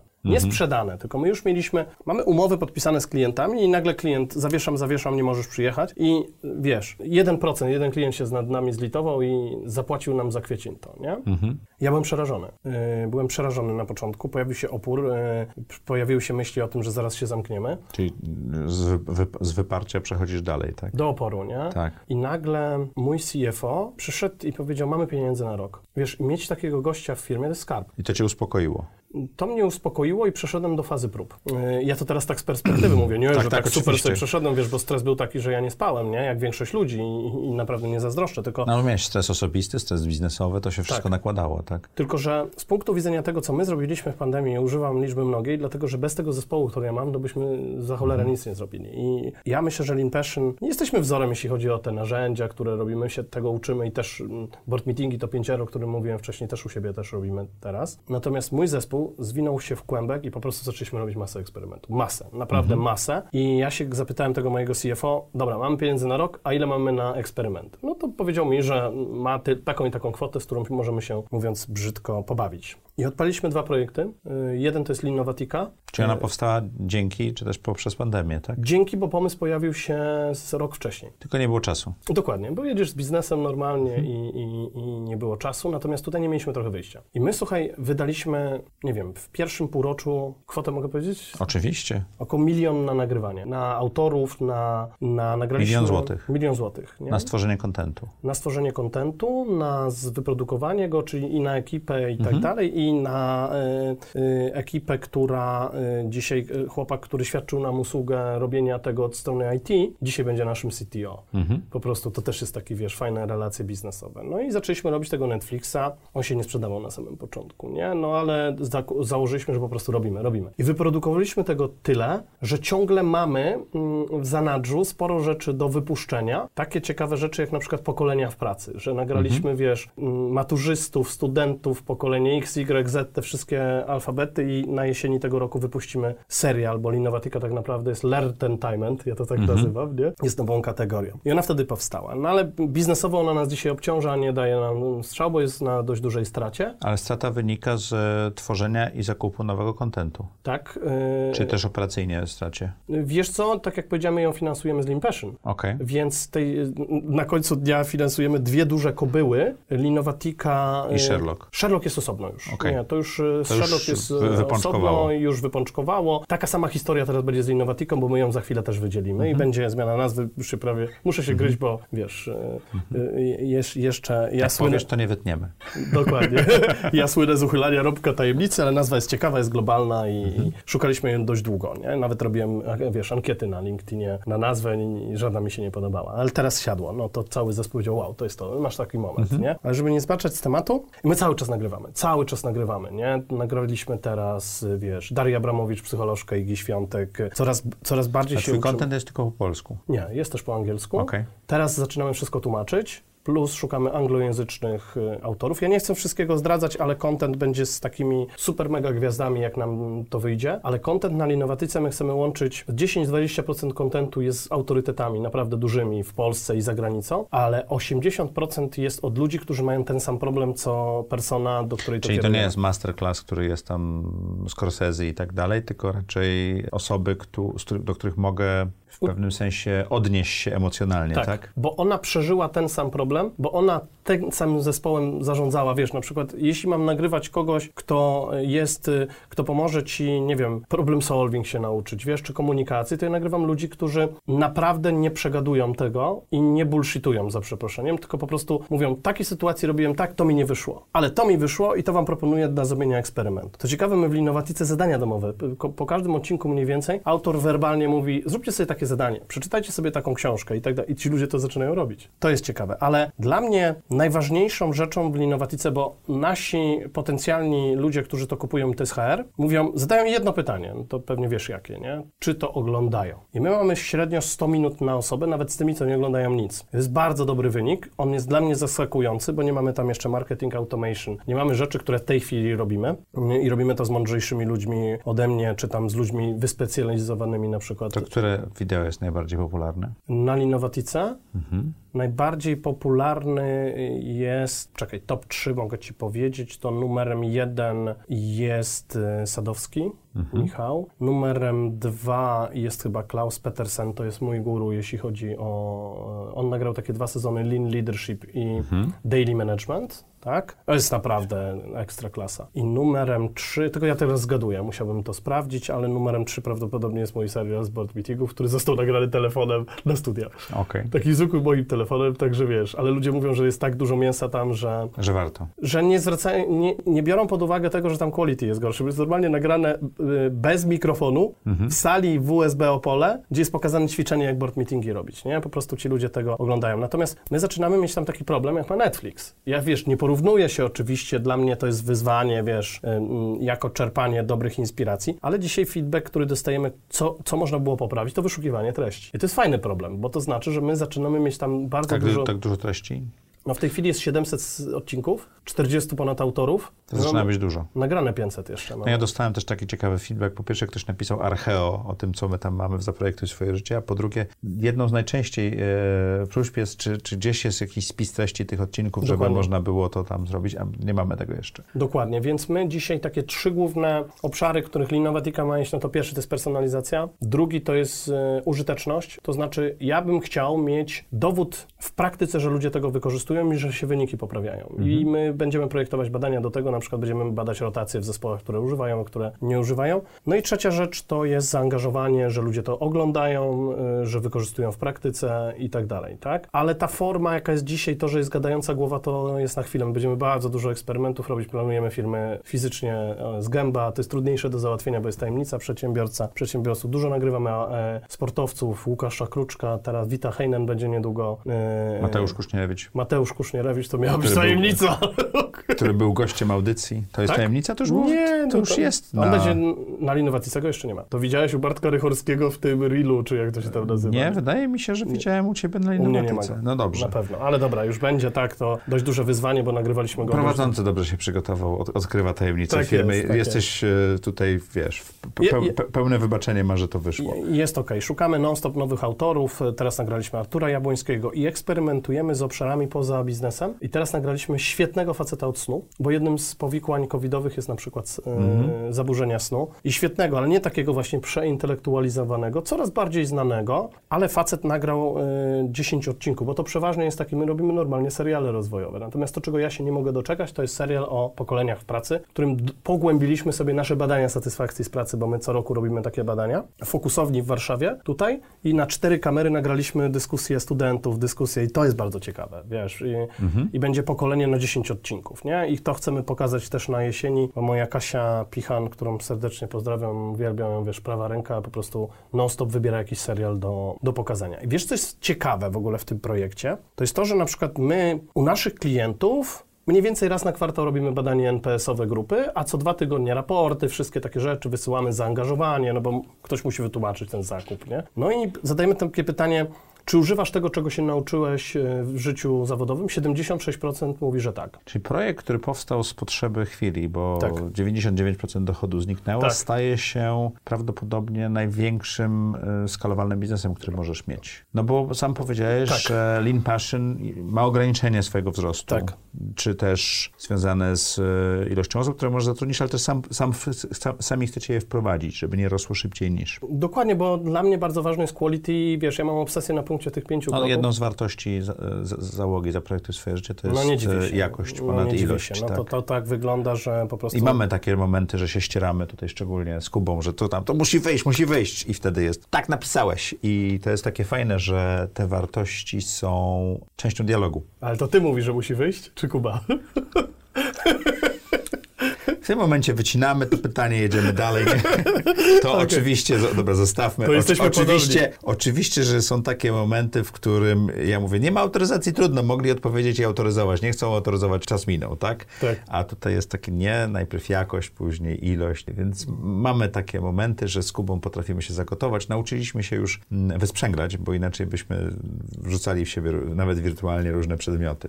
Ale to Więc jesteśmy jest ciekawe. tutaj Ku- Kuba podobni. tutaj w ofie się śmieje. Tu jesteśmy podobni, bo ja chcę jakość i szybko. No ale jak to nie możesz tego zrobić za 5 minut? O co ci chodzi? Tak? dokładnie, dokładnie. Czy strategia Lean wkrada się też w twoje życie rodzinne? Niektóre elementy tak, nie? Ale nie, nie, niektóre nie. elementy tak. To Nie, wiesz co, mieliśmy odpowiedź? kiedyś takiego konsultanta jednego, naprawdę, pozdrawiam cię Adaś, yy, który wykorzystywał sobie niektóre aspekty yy, takich narzędzi tej strategii Lean, bo to nie ma nic wspólnego z narzędziami, które są, wiesz, takie 5S i tak dalej, tylko narzędzia leadershipowe w domu. I na przykład robił sobie board meeting z żoną w piątek przy winie. Normalnie mieli tablicę, mieli swoje KPI, -e. wiesz, ludzie mówią, o Jezu, praca przeniesiona. Ja mówię, nie oceniajcie, bo ten facet i ta jego żona dużo na tym skorzystali. Mieli na przykład taki cel na tydzień, e, liczbę godzin spędzonych razem. Które liczyli. No, Czyli nie- to, to, to, nie, bez przesady. To, to McKinsey'owe what gets measured gets done troszeczkę? Nie, bez przesady. Nie to tak. prostu dla jaj sobie to robili Okej. i tak dalej. Ale mieli naprawdę taką tablicę, na której sobie gadali, e, ile, czy budżet się zmieścili w budżecie w tym Mhm. tygodniu. I ja nie oceniam tych ludzi. Ja powiedziałem, zwariowałeś, przynosisz to do ten. On mówi, ale to mi daje wartość. Więc jeżeli coś komuś daje wartość, proszę bardzo, nie? A u ciebie nie do końca. Wiesz co, y, y, to zależy czym jest ta strategia Lean. W naszym wydaniu ona jest ustrukturyzowanym podejściem do pięciu kroków transformacji. Czyli masz misję, wizję, cele strategiczne. Tak naprawdę teraz, jak to odpowiadam, to je, nie, nie powiedziałbym o moim, bo jak powiedziałeś życie prywatne, od razu pomyślałem o rodzinie.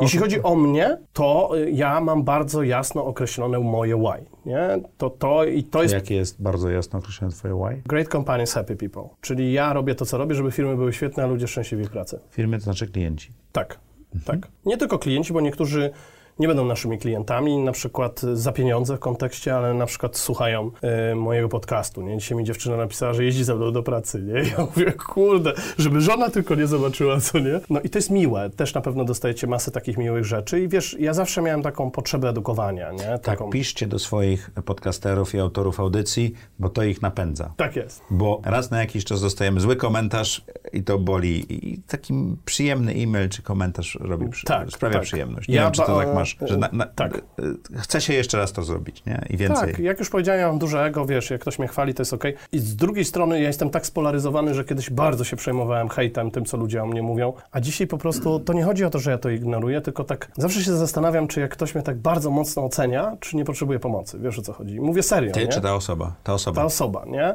Ja znam swoją wartość, znam swoje wady i nie chodzi o to, że ja nie, nie, nie, nie słucham konstruktywnej oceny, nie? Chodzi mi o to, że jeżeli ludzie oceniają mnie na podstawie stereotypów albo własnych przekonań i tak dalej, to jest ich problem, nie mój. Ja się tego naprawdę oduczyłem. Moje, jakość mojego życia jest dużo większa, tak? I jedna z rzeczy, którą mi bardzo dużo się przysłużyła, ja wiem, że zmieniam temat, ale myślę, że to Już jest się, ciekawe. już, już się słuchacze przyzwyczaili. Byłem pół roku temu na świetnej terapii lęku. Okej. Przyznałem się sam przed sobą, że mam trzy takie mocne lęki e, egzystencjonalny, jeden, drugi związany z biznesem, a trzeci nie chciałbym mówić o nim. I znalazłem sobie taką terapię w górach, na trzy dni pojechałem, zmasakrowali mnie tam, nie? Czy mierzysz się z własnymi lękami tam?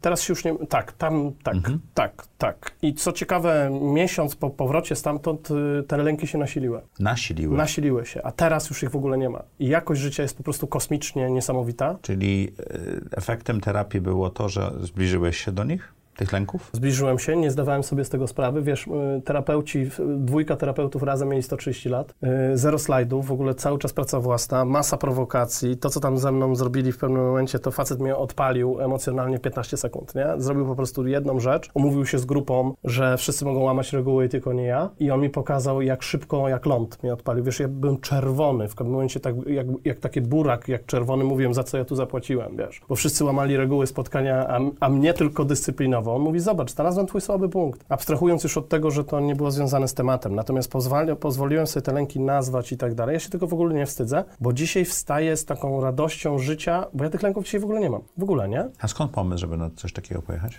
Wiesz co, podpowiedział mi kolega, że są tacy zawodnicy, którzy po prostu nie robią tego za niesamowite pieniądze, bo jakbyś się dowiedział, ile to kosztuje, to... to... Ale oni raczej pomagają ludziom, nie zarabiają Pomagają bardzo ludziom i ja po prostu teraz jadę znowu w sierpniu na trzy dni i będziemy rozmawiać o gniewie, Mhm. bo mi się zdarza wpadać w gniew. Ja się nauczyłem go trochę opanowywać, ale wiesz, czasami to mnie od środka y, rozwala i No, jak go opanowujesz, nie prowadząc z nim dialogu, to on cię dokładnie, dokładnie. zjada od środka, prawda? Dokładnie, dokładnie, ale wiesz, liczę do 10, przejdę się zawsze i Mhm. tak dalej. Natomiast wracając już do tego, nam biznes spadł o te 99%, widzisz, wróciłem do tematu. I jedna rzecz to była Linowatika, po prostu zaczęliśmy obsesyjnie to nagrywać, yy, że content is the king zawsze się przyda. Później znaleźliśmy faceta, który zrealizował naszą wizję, czyli jak się mnie ktoś pyta, jak to ma wyglądać, ja mówię Netflix, bo z tego ludzie korzystają, nie? Mhm. I przy okazji ja miałem kiedyś taką ogromną przyjemność, kupiłem sobie kurs na Stanfordzie, Leading Innovation. Czy ja go polecam?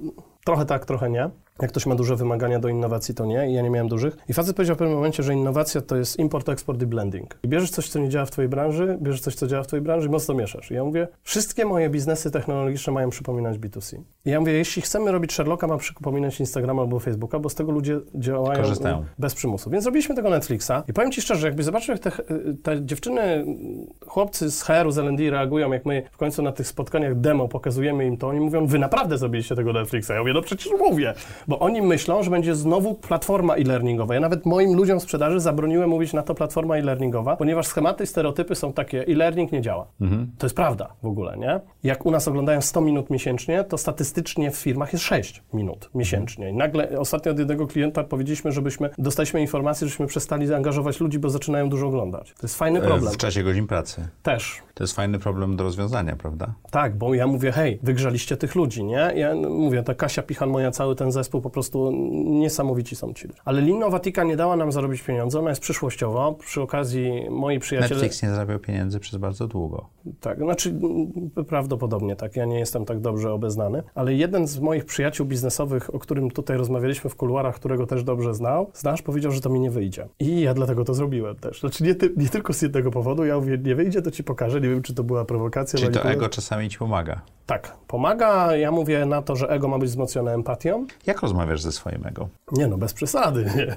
Tak dużo nie piję, wiesz o co chodzi. Ja Ale nie prowadzisz dialogu ze swoim ego? Prowadzę dialogi yy, raczej Bo, ze sobą. Okej. Okay. Ja teraz mam odpał na duchowość, ale nie taki, może źle to nazwałem. E, uczę się, no to żadna tajemnica, wiesz, takim moim bardzo dużym mentorem i, i, inspiratorem jest Maciek Noga, który podrzucił mi kilka takich bardzo ciekawych e, pozycji, do których ja nie miałem nigdy pokory. Ja wiedziałem, że one istnieją. No i wiesz, patrzę na, tą, na ten aspekt duchowości. Na bakier zawsze byłem z religią, ale zrozumiałem różnicę, wiesz, w wieku 44 lat aż mi się jest wstyd. Tak jak jeden z moich terapeutów, jak go zapytałem o Kościół, powiedział, że kiedyś był na spacerze z Tischnerem, bo to tamte regiony mhm. i powiedział, słuchaj, jak ja mam mm, wierzyć w Boga, jak Kościół odwala takie rzeczy? On mówi, a tobie to będzie przekleństwo, to się wytnie, nie? Tylko cytuję, nie? Jak powiedział do niego, tobie Chopocku to się wiara z sułtaną po nie? I to wiesz, to jest taki tekst, ale wracając do tego, ja sam ze sobą nie rozmawiam, bo to jest niebezpieczne w mojej ocenie i w moim przypadku, ale staram się może nie medytować, bo to jest za dużo powiedziane, ja tego nie umiem robić jeszcze, uczę się, także wiesz, nie będę tutaj cwaniakował, ale 3-4 razy w tygodniu sobie biegam,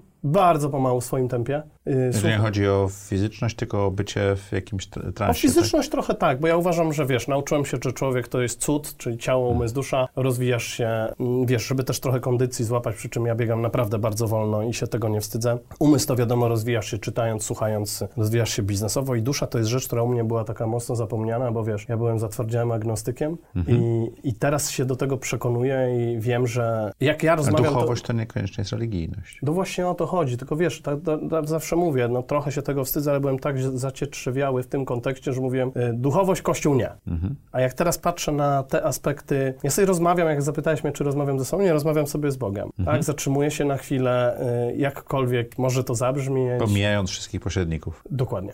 Okay. Dokładnie. Przy czym, ponieważ nauczyłem się tego, że wielokrotnie pycha i brak pokory doprowadziło mnie do ignorowania ważnych rzeczy w życiu, mądrości i tak dalej, ja wcale nie mówię, że ja nie będę chodził do kościoła, nie? To właśnie ten vision w książce Code for Extraordinary Mind mówi, jest tyle fajnych religii, korzystajcie sobie z wielu, nie? Mhm. I moje podejście w ogóle do tego jest takie, dobra, wierzysz sobie w Boga, wierzysz sobie w Kościół, to jest twoja sprawa, nie indoktrynuj innych i nie nakazuj im tak, jak mają żyć. Ale odpowiadam na to, bo mnie zapytałeś, czy rozmawiam ze sobą sam. Trochę tak, bo robię sobie refleksję. Dla mnie refleksja jest podstawą do, do życia i ja w piątek, tego się nauczyłem e, akurat od e, znowu mądrego gościa, który się nazywa Konrad Stanoch, nie mhm. wiem czy znasz, były szef Aon Hewitt w Polsce, który powiedział, w piątek ostatnie pół godziny siadasz sobie, bierzesz sobie kartkę papieru i piszesz, co ci ten tydzień dał, czego się nauczyłeś. To jest, wiesz, takie zatrzymanie się i to naprawdę działa. Ja to robię, to naprawdę działa i to jest ta rozmowa. To nie chodzi o taski, to o czym nie. zrobiłeś, tylko o autorefleksję nad sobą. Dokładnie. Autorefleksja okay, nad sobą. Metoda. To jest bardzo fajne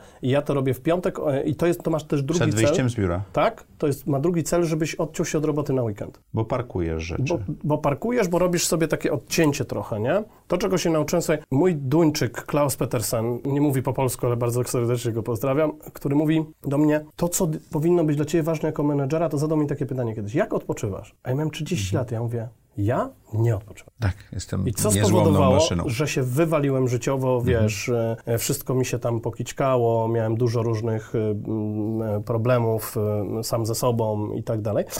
Nie jestem na tyle otwarty, żeby o tym mówić teraz. W każdym razie Doszedłem do wniosku, że trzeba mieć równowagę w tym kontekście właśnie odpoczynku. I udało ci się to znaleźć? Jeszcze nie. A te demony, które cię tak wywaliły, udało ci się zostawić ze sobą? Te lękowe? Nie, te rzeczy, które cię wywaliły, jak powiedziałeś. Tak, tak, Okej. tak, tak. To zdecydowanie i to jest rzecz, którą sobie poradziłem drugi raz już w swoim życiu. Nie? To, tak, e, Okej.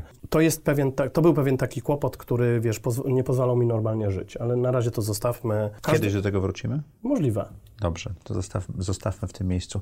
Słuchaj, mamy już prawie dwie godziny materiału. Nie wiem, kto jeszcze nas słucha, ale dla tych, co, ale dla tych, co słuchają, mamy pytania, które e, i oglądają. E, mamy pytania, które zadajemy naszym gościom na koniec, żeby trochę lepiej ich poznać. I nadszedł ten moment. E, myślę, że moglibyśmy jeszcze spokojnie ze dwie godziny materiału nagrać, ale to myślę, że przy okazji nagramy kolejny. Czy możesz opisać najlepszą decyzję, którą podjąłeś w życiu? To, że pójdę na swoje, to, że założę sobie firmę, Chociaż była tak szalona i nieprzemyślana wtedy.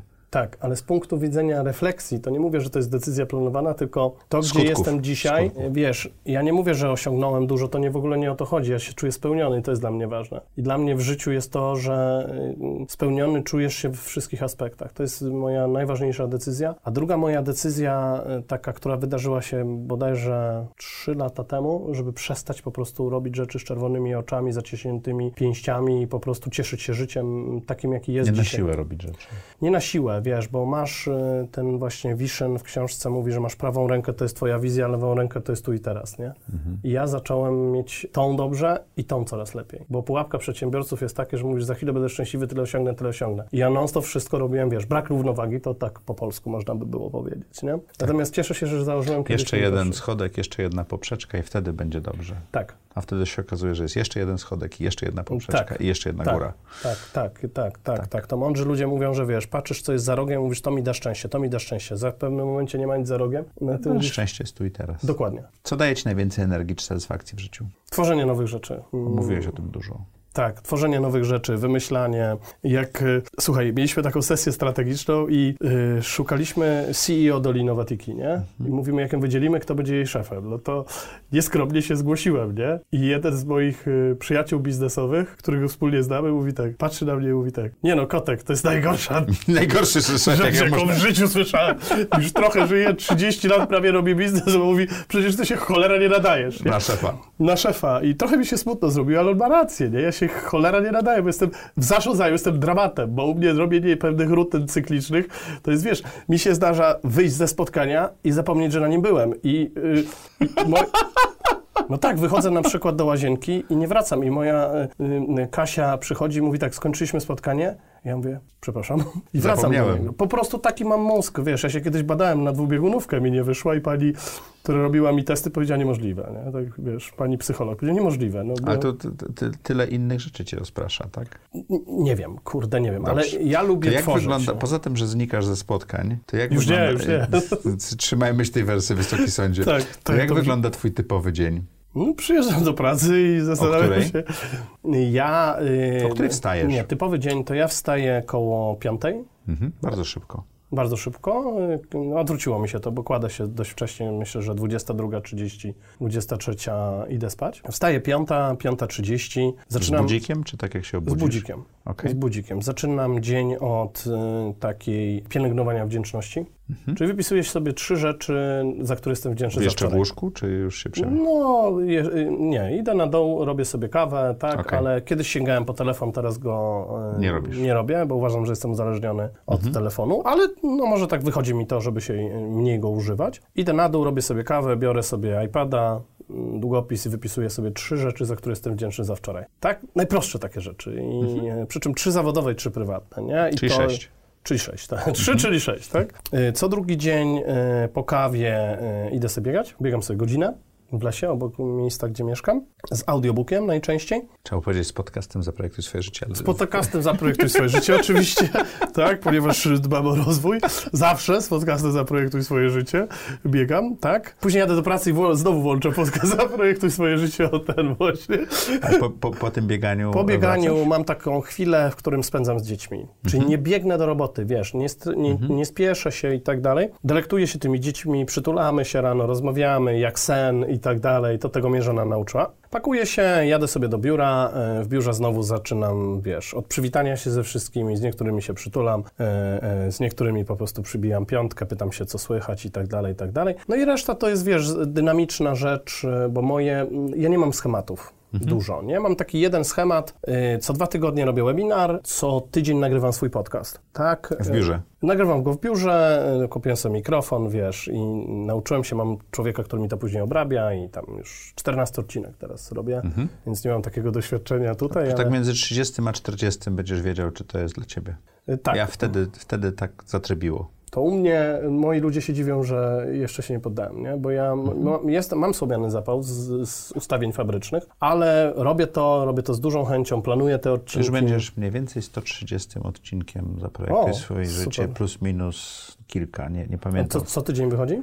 Co tydzień bez przerwy. Czyli dwa lata już. Dłużej. Z hakiem. Z hakiem. No super. No to Mamy trochę taką zagwozdkę ze względu na moje zdrowie, czy my we wrześniu nie będziemy mieli przerwy technicznej, ale chyba staniemy na uszach i nagramy wszystko, żeby e, jak będzie przerwa w nagrywaniu. dlatego jesteś na pierwszym miejscu mm, w Apple Podcast. Nie? Zdarza się, nie zawsze, Zda, ale zdarza, się, tak, tak. No to ta, ta czołówka się wymienia. Ja nie mam takich ambicji. Natomiast ten podcast, który ja nagrywam, to jest... Oczywiście, że są stamtąd y, zapytania biznesowe i to też jest jednym y, z, przyczyn, dla którego zaczęliśmy to nagrywać, bo po prostu tworzymy na, ten, na tej podstawie. To nie mam co oszukiwać i nikogo tutaj, wiesz, ściemniać, że to jest biznes też. A webinary jak ci idzie? Ile osób przychodzi? Y, Webinary zapisuje się, y, takim typowym naszym webinarem zapisuje się 1200-1300 No osób. to już tak poważnie. Tak, przychodzi 35 do 40% ludzi, w zależności od tematu. Ostatnio był Łukasz Kruczek, na przykład, to, to, to ten show up rate był wyższy. No i bardzo fajnie nam konwertuje też na sprzedaż na nasze programy rozwojowe. Mhm. A gdzie puszczasz webinary?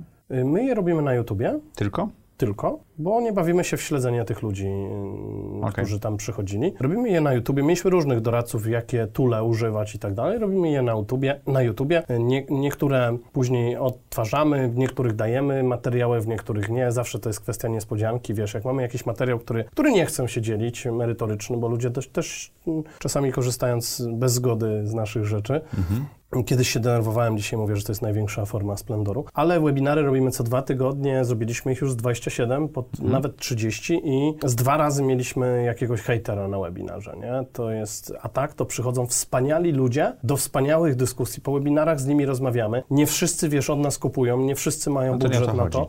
Ale y, pomagamy też ludziom. Ja chętnie y, umawiam się na spotkanie. Dzisiaj na przykład miałem dwa zapytania, czy mogę z pół godziny porozmawiać, bo ktoś ma jakieś wyzwania Mhm. życiowe. I ja lubię pomagać i ja to Robisz to? robię to, tak. Robię to, kiedy mam czas i kiedy ktoś nie jest y, namolny i nie jest manipulacyjny, bo y, wiesz, A jak niektórzy... to wyczuwasz? No, jak ktoś się ze mną umawia na spotkanie półgodzinne i zaczyna strasznie narzekać na swój los, no to ja Okej. nie czuję się kompetentny, y, wiesz. A manipulacyjnie, że ktoś się umawia ze mną na spotkanie mm, biznesowe, mówi, że ma jakiś problem i za chwilę mi coś sprzedaje. Ja mówię, poczekaj chwilę, nie? To wiesz, no chcesz, żebym ci pomógł skaskadować cele albo zaprojektować strukturę y, performance management system, a ty mi mówisz, że masz teraz system do sprzedania. Ja mówię, to powiedz mi na kolejnym spotkaniu. Być może będę zainteresowany. Ja nie mówię, nie, albo napisz do mnie, mam taki system i wiesz, i to tak zrobię. To już abstrahując od tego, jaka jest kultura dzisiaj LinkedIna, wiesz, maile, myl, mylenia, imiona, boty, używania, to już jest znowu na kolejną rzecz. Tak, Ale pozdrawiam wszystkie boty, które regularnie do mnie piszą na LinkedInie. Mam taką piękną wiadomość, do nich odsyłam. tak? Tak. Super, no to chętnie też. Wywra- Wywracają się wszystkie na tym. Aha, chętnie też. I tak jedna setna odpisuje człowiek. Chę- Chętnie też skorzystam. No my nie, nie, stosujemy e, botów. Mieliśmy takie eksperymenty, ale chcemy, żeby to ludzie to e, mm, robili. Także robimy webinary, robimy podcasty. mm, I to dobrze działa biznesowo, jako góra. Wyśmienicie, bo jak Ci mówiłem, że y, Linnovatica to jest coś, gdzie my inwestujemy pieniądze, Mhm. to zrobiliśmy Akademię Black Belt, Green Belt i Lean Leadership Online i ona w pandemii, bo było też takie pytanie, po, pozwoliła nam przetrwać i zrobić Czyli jeden z zarobiła, najlepszych... zarobiła pieniądze na utrzymanie, tak? Mieliśmy o milion mniej przychodów w zeszłym roku niż y, statystycznie, jakbyśmy sobie rośli, ale mieliśmy największy EBIT od ostatnich pięciu lat, Mhm. mimo tego, że zrobiliśmy Linnovatikę, na którą wydaliśmy już ponad milion. Nie? Czy jest coś, co mógłbyś przestać teraz robić, co poprawiłoby twoje samopoczucie lub spowodowało twój rozwój? Myślę, że mm, wracają mi czasami zmartwienia. Mi nie chodzi, ja mam taką naturę, że jestem spolaryzowany w sensie wymyślania nowych rzeczy, ekscytacji i tak dalej, Mhm. to ma swoją mm, ciemną stronę, to znaczy, że w pewnym momencie pojawiają ci się zmartwienia, a co się stanie, jak nie wyjdzie. I te zmartwienia powodują, że ja robię sobie taką negatywną projekcję, ale to jest coraz rzadziej i to bym chciał przestać robić. No. Mocne. Jaką masz supermoc? Myślę, że potrafię zapalić zespół do e, zrobienia fajnych rzeczy do, i dobieram sobie fajnych ludzi, przy czym bardzo ostrożnie. Okay? A twoje Power Five, ten najbliższy krąg ciebie, który na ciebie ma największy wpływ, to? Mam wymienić tych ludzi?